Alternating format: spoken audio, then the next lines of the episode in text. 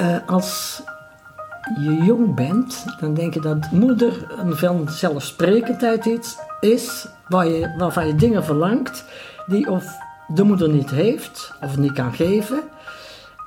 Maar dat is iets dat, dat, dat moet je wanneer je zelf moeder geworden bent, moet je dat zo ervaren. Daar is niemand die jou dat uit kan leggen.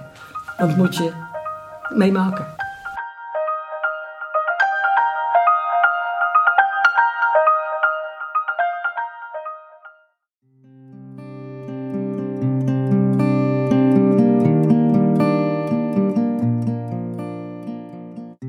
Welkom bij Even aan mijn moeder vragen de podcast. Vandaag spreek ik met mijn eigen moeder over grootouderschap.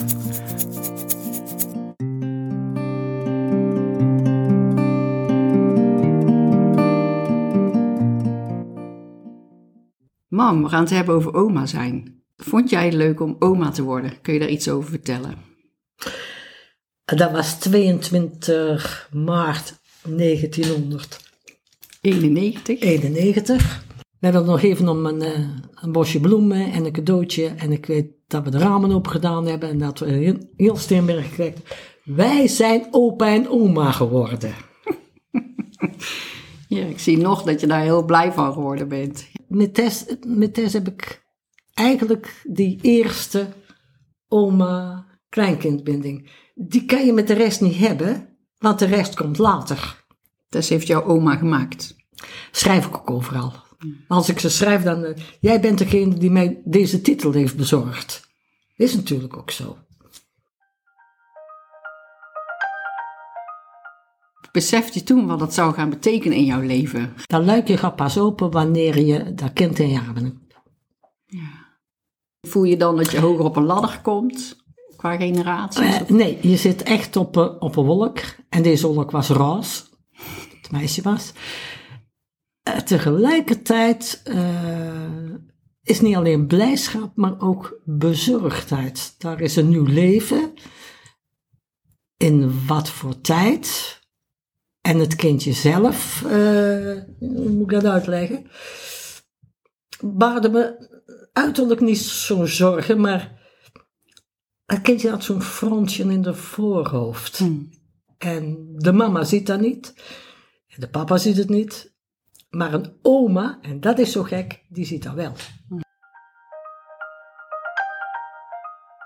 Ehm, Zou je iedereen kleinkinderen aanraden? Of eh, wat- Niet per se. Ik zou ook niet elke vrouw een kindje aanraaien.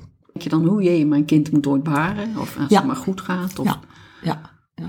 ja. Nou, ik heb zelf nu een, een bevalling gehad met een tweeling. En ik weet dat ik, eh, toen Trudy er was, achteraf heb ik dat gehoord, ben ik dus gewoon klinisch dood geweest. En nou moest mijn eigen kind gaan bevallen. Maar ik kan niet, ik kan hier inhoudelijk niks over zeggen, want ik werd er met mijn 19 moeder van een tweeling. Wat niet voorzien was, maar daar ben ik mijn leven lang tot op de dag van vandaag zielsgelukkig mee geweest. Dus wie ben ik om te zeggen van eh, geen kinderen nemen? Alleen wat je niet kent, kun je niet beminnen. Geldt ook wat je niet kent, ga je niet missen, denk je? Ja, tuurlijk. Waar, waar, waar, waar, je nooit gezien hebt, daar kan je toch geen verbinding mee leggen. Je kunt je hoofd denken van, god, zo leuk zou het zijn dat ik, oh, voor jou dan, oh mama, met, met zo'n kindje. Maar je kent toch dat gevoel niet? Je kent het gebaar, maar je weet toch niet hoe dat kind aan jou kijkt? Jij weet toch niet hoe, hoe zo'n kindje voelt? Hoe verandert het grootouderschap door de jaren heen? Dan begin ik natuurlijk bij mijn eigen opoe. En dan verandert de naam al. Ja. Ik ben geen opoe, ik ben oma. Daar beginnen we mee. Eh, vroeger woonden ze bij elkaar in, hè. Dus in het achterhuis woonden wij, in het voorhuis woonde opoe. En of je wil of niet, opoe die kon op een hele sneaky manier toch wel invloed hebben op de opvoeding. Wil je een voorbeeldje? Ja, daar willen we een voorbeeld van. Ik was op de een of andere manier stout geweest. En ik weet niet meer waar, want ik heb maar tot mijn tien jaar in deze setting gewoond. Maar ik had iets gedaan wat niet mocht. En ik moest van mijn vader zonder eten naar bed. Dat was mijn straf. Nou, dat accepteerde je. Je was stout geweest, dus een straf. En dan ging mijn opoe met een schortje aan, met de haantjes zo bij de borst zo. En daar had ze dan een boterhammetje zitten. En dan moest ze zo nodig naar boven, want ze moest nog een kiel. En een kiel was natuurlijk een werkkleding van de man. Ja, dan moest ze nog een lap op gaan zetten en lag boven. Dat was Opoe toen. In deze tijd zou, zou denk ik gewoon zeggen van... eh, nou Trudy, wat je nou doet, kind zonder eten op bed... zoek alsjeblieft een passende straf. Ja, ja. Dat zou het verschil zijn. Hoe was jouw eigen band met je oma? Fantastisch. Ik had een ontzettende, wijze, lieve grootmoeder. Heb je daar een voorbeeld aan genomen in de manier waarop je zelf oma bent geworden? Eh, Ja, want jammer genoeg eh, was mijn opoe, dat was vroeger een opoe, iemand die eh, tien kinderen had gebaard, waarvan er acht zijn gestorven in de leeftijd van zes weken tot 44 jaar. En zij is altijd wijs gebleven, zij is altijd liefdevol gebleven. Wij waren kinderen van haar kinderen en met ons durfde ze wel de hechting aan, wat ze met haar eigen twee overgeschoten kinderen niet durfde. En dat was een eh, ontzettend fijn gevoel. Wij woonden eh, vroeger in, want die hadden een grote boerderij. En zij woonde aan de voorkant en ons gezin aan de achterkant. En die had daar, die had daar, die had daar een opoe, die was er altijd. Dat kreeg ook niet altijd eh, je zin hoor, want dan kwam de bakken met vers brood in die tijd. En dat deed ze dan zo snee af en dat is niks lekker als vers brood. Hè. Pot erop, suiker erop, smullen. En dan vroeg je nog een tweede. En dat deed ze heel slim. Liet ze het mes uitschieten op een halve. En dan zei ze, het mes zegt dat je geen honger meer hebt, Dientje. Kun jij iets vertellen van jouw kant wat er veranderde tussen, tussen jou en mij toen ik moeder was geworden? Nou, ik was blij dat je eindelijk ging eh, ondervinden wat moeder zijn is. En wat bedoel je daarmee? Eh, als je jong bent, dan denk je dat moeder een vanzelfsprekendheid iets is, waar je, waarvan je dingen verlangt, die of de moeder niet heeft, of niet kan geven. Maar dat is iets dat, dat, dat moet je wanneer je zelf moeder geworden bent, moet je dat zo ervaren. Daar is niemand die jou dat uit kan leggen. Dat moet je meemaken. En is dat ook zo met oma zijn? Ja. Weet je dan wel meteen wat je met dat kind wel of niet doet? Of... Eh, dat klinkt raar, maar de ki- het kind geeft het zelf aan. Wanneer jij niet goed in je vel zit, dan zal het kind eh, ongedurig zijn bij- op jouw schoot. Wanneer het kind rust nodig hebt, dan zal het juist rustig zijn wanneer jij het vasthoudt. En dat is al het kindje, hoor, want je hebt er natuurlijk ook van die kinderen bij die van, eh, van de stoel op de tafel en terug. eh, en er zijn er inmiddels zeven en het zijn zeven verschillende. Past, passen dan al die zeven verschillende kinderen in hetzelfde oma-luikje? Of heeft dat allemaal een eigen plek? Ze hebben allemaal een verschillend luikje. Ze hebben allemaal een verschillende input. Ze hebben ook allemaal een verschillende uitgang. En per se een lieveling is er niet bij.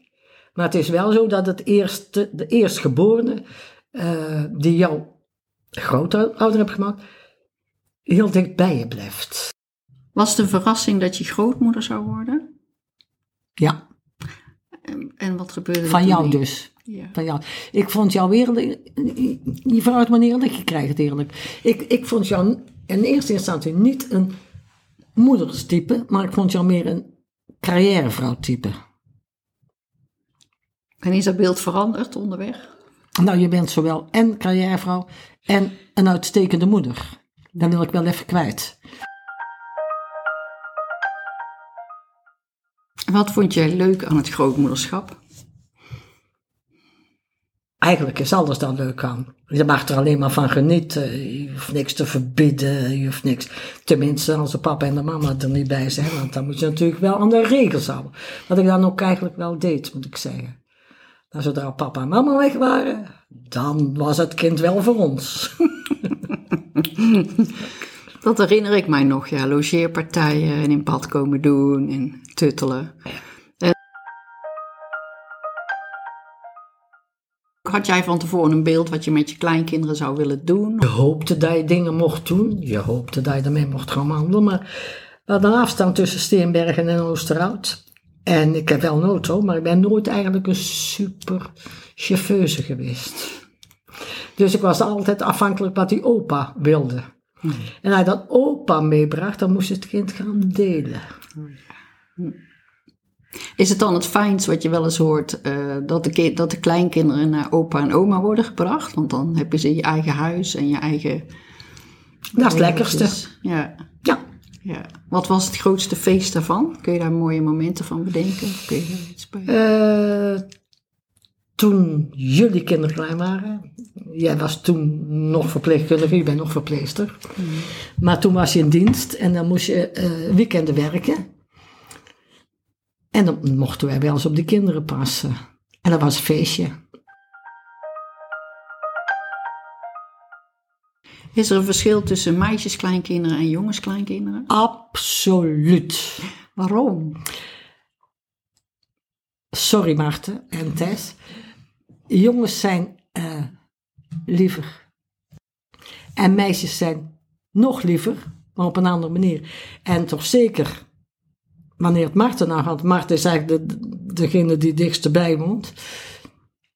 Dat je zoveel in de kleindochters terugziet.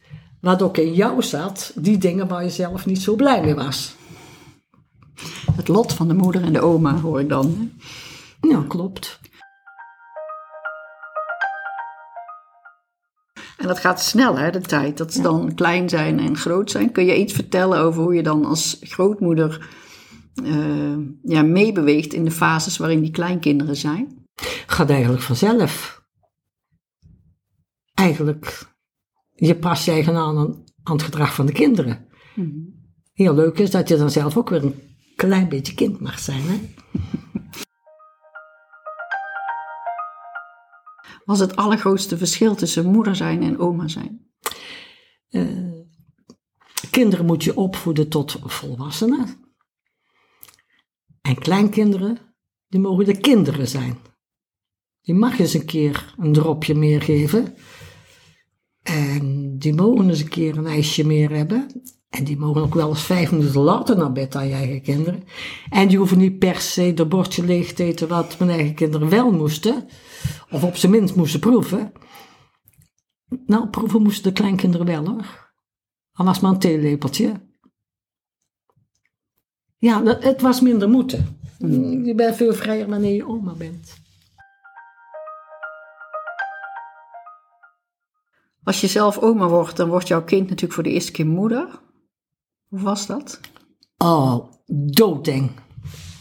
Vanaf het begin dat de zwangerschapstest positief was of gewoon sowieso? Doodeng. Ja. Waarom? Je weet wat er te wachten staat. Dan bedoel je het baren. Ja. Ja. Maar ook het moeder zijn, hoor, vergis je niet. Want men denkt dat dat moeilijk is, maar daar is geen één boek. Ga maar kijken, bij welke uitgever dan ook. Wat vertelt hoe je moeder kunt zijn. Moeder is een oergevoel. En aangezien jij de drie op drie altijd kreeg, heb ik als oma zijn er toch wel eens achter mijn oren gekrapt en s'nachts wel eens wakker gelegen van mijn goodness. Totdat ik zag dat het dat wel zou redden. En hoe is dat dan? Want ik zelf eh, ben natuurlijk nog geen oma. Misschien, ik weet niet of ik dat ooit ga worden. Heb je een idee van hoe jouw kind moeder gaat worden? Eh, verrassend genoeg, hè? je hebt een tweelingzus. En jullie zijn zo verschillend geweest in het eh, opvoeden van de kinderen. Aan de ene kant was je wel eens vreselijk streng. Ik heb er mijn eigen nooit mee bemoeid. Maar ik vond dat Annemarie wel eens wat meer de grenzen aan had mogen geven. Terwijl jij al de grenzen aangaf voordat die kinderen er waren, zeg maar. Hè? Van pas op, daar komt een grens aan en daar mag je niet over. Je kinderen worden op hun eigen manier moeder. Eh, in welke wijsheid blijf je dan op je handen zitten of bemoei je je daar niet mee? Hoe bepaal je of je een stap naar voren doet of niet? Je moet je steeds realiseren dat eh, geen enkele moeder ervan gediend is dat de oma commentaar levert op de opvoeding. Helaas heb ik dat een keer wel gedaan in Frankrijk. En dat is geëscaleerd. Ik mocht daar mijn eigen niet mee bemoeien. Had ik ook niet moeten doen. Ik spijt van gehad dat ik het gedaan heb. Was het allergrootste verschil voor jou tussen kinderen en kleinkinderen? Het niks moeten. En wat gebeurt er dan als er niks moet? Dan loopt het vanzelf. Dan luistert iedereen naar iedereen. Dan, eh, dan is er eigenlijk een soort communicatie zonder woorden. Het gewoon, eh, bijvoorbeeld met sneller gaan eten, dan hoef je niet te zeggen, jij gaat de tafel dekken en jij doet dit. Nee, die pakken het op en ze zetten het weg. En het gekke is, dan ben je klaar mee eten, dan pakken ze het op en, en ze ramen het op. En dan hoef je niks te zeggen. Terwijl bij eigen kinderen, dat weet ik nog heel goed, uh, wel eens vroeg van, zou je je kamer willen stoffen? Geen antwoord, maar werd zes weken niet gestoft. En dan moet maatregelen treffen. Dat is bij kleinkinderen gewoon niet het geval. Het is net of dat die grootouders een beetje beschermen voor, ja, eigenlijk voor de wereld. Wat heb je ze echt mee willen geven? Waarvan je zegt, nou, als we het later over een oma hebben, wat zou je dan willen dat ze nog vertellen? Dat wat er ook in hun leven gebeurt, de dingen gebeuren op de tijd waarop het moet gebeuren en op de manier waarop het, waarop het moet gebeuren. Dat je niet dingen alvast naar je toe kunt trekken, want de dingen gebeuren pas wanneer ze moeten gebeuren. Is dat ook gelukt, denk je, als je nu naar jouw volwassen geworden kleinkinderen kijkt? Zeker. Wanneer ga je oogsten, vroeg ik me af, in de relatie die je hebt met je kleinkinderen? Er komt een leeftijd hè, dat ze minder langs gaan komen of dat het volwassenen worden. Juist dan. Wat oogst je dan? Wat, wat... De wijsheid die de kinderen meebrengen. De, de ontwikkelingen van de wereld. Uh, kinderen leren van ons. Wij leren ontzettend veel van de kinderen. Alleen daar sta je zo dikwijls niet bij stil. En ja, ik vind het, ik, ik vind een verrijking. Ik vind kleinkinderen een verrijking. Is er nog iets wat je op je verlanglijst als oma hebt staan? Wat je graag zou willen met je kleinkinderen? Z'n allen aan tafel zitten. Hm. Dat is mijn godsverweers. Als de tijd komt en rijp is. Hm. Als het mag gebeuren, dan gebeurt het. Hè. Hm. En dat niet, maar dan moet ik er genoegen mee nemen. Ja. Vergis je niet, de kinderen die wonen in Engeland, in Frankrijk. Uh, woont er een samen met een Braziliaan. Dan hebben we nog een die, die is acteur en die gaat de hele wereld rond. En ziet dan die kinderen allemaal maar eens rond de tafels krijgen. Maar het is wel mijn grootste wens. En ik hoop voordat ik de zaak hier ga verlaten, dat dat een keer mag gebeuren ook interessant om te zien in uh, waar iedereen is en hoe dichtbij of ver af is dat er misschien ook een andere kwaliteit in het samen zijn is als je dan wel echt beseft dat je met elkaar uh, tijd door kunt brengen. Hè? Dat is, dat is, uh, tijd, tijd is dan eigenlijk het grootste geschenk, hmm. het mooiste geschenk, het duurste geschenk, je elkaar kunt geven. Het zijn. Gewoon zijn. Je zei net, er is geen uh, gebruiksaanwijzing als je moeder wordt. Nou, die is het natuurlijk ook niet als je oma wordt. Nou, wat voor tips zou je hebben voor uh, mensen die nu oma worden? Die nog oma gaan worden? Misschien word ik zelf ooit oma. Wat zou je mij dan mee willen geven? Uh, als je het voor de eerste keer, ik moet het zeggen, want je weet nooit wat het wordt natuurlijk. Als je het weet het, voel dan wat je voelt. Kijk goed wat je ziet. En dan weet je gewoon wat jouw kleinkind nodig heeft. Alles spritten gewoon openzetten. En dan kun jij het er wel eens niet mee eens zijn. Maar het is heel belangrijk om je kleinkind te luisteren. Hmm. Ik heb van mijn kleinkinderen ontzettend veel geleerd. En nog. Kun je daar een voorbeeld van noemen? Nou, dan kom ik toch door op Maarten. Ja, trouwens van Bram ook. Maarten is heel goed in het relativeren. Ik kan wel eens heel erg uit de pan vliegen. En dan is Maarten degene die, eh, die mij met de, met de voetjes op de grond zet. En wanneer ga ik uit de pan? Wanneer het niet gaat, wanneer ik, eh, wanneer ik het in gedachten heb. Ja. En dan leert Maarten mij dat het ook uit je gedachten kan. En dat je die akelige gedachte om kunt zetten in een positief iets. Hoe denk je dat jouw kleinkinderen jou zullen herinneren? Als een struise oma. Niet eh, fysiek, maar ik denk van geestelijk. Een oma die eigenlijk ook voor niks uit de weg ging. De schaamte dan heel lang voorbij was. En het eigenlijk nooit op, opgaf. En ik zie dat heel duidelijk, toch zeker in die drie van jou terug. In die van Annemarie is wat moeilijker, die woont in Frankrijk en die heb ik niet zo intensief meegemaakt, mee kunnen maken. Ben ik ook niet altijd even blij mee dat dat zo is. Heb je per se dan nabijheid nodig om een blauwdruk te, achter te laten bij je kleinkinderen? Dat zeker niet. Maar een relatie bestaat uit minstens twee mensen. En ik denk dat het voor kinderen die in het buitenland wonen heel erg moeilijk is. Je zit al met de taal, alhoewel ze allebei perfect Nederlands spreken. Maar dingen is, uh, investeer meer in die oma dan die ander. Dat wil niet zeggen dat je van de ene meer houdt. Maar de ene is toegankelijker dan de ander. En uiteindelijk is het zo dat er mee geen van je kleinkinderen iets op moet doen. Want dan slap je heel slecht van. Is het dan geworden wat je ervan verwacht had? Absoluut. Absoluut. Ook wat ik dacht zou het zo worden. Zijn er ook dingen niet leuk aan oma zijn? Ik kan er niet in noemen. Hmm, mooi. Bedankt voor het luisteren naar Even aan mijn moeder vragen de podcast. Wil je meer weten over ons? Ga dan naar www.evenaanmijnmoedervragen.com of volg ons op Instagram. Tot gauw!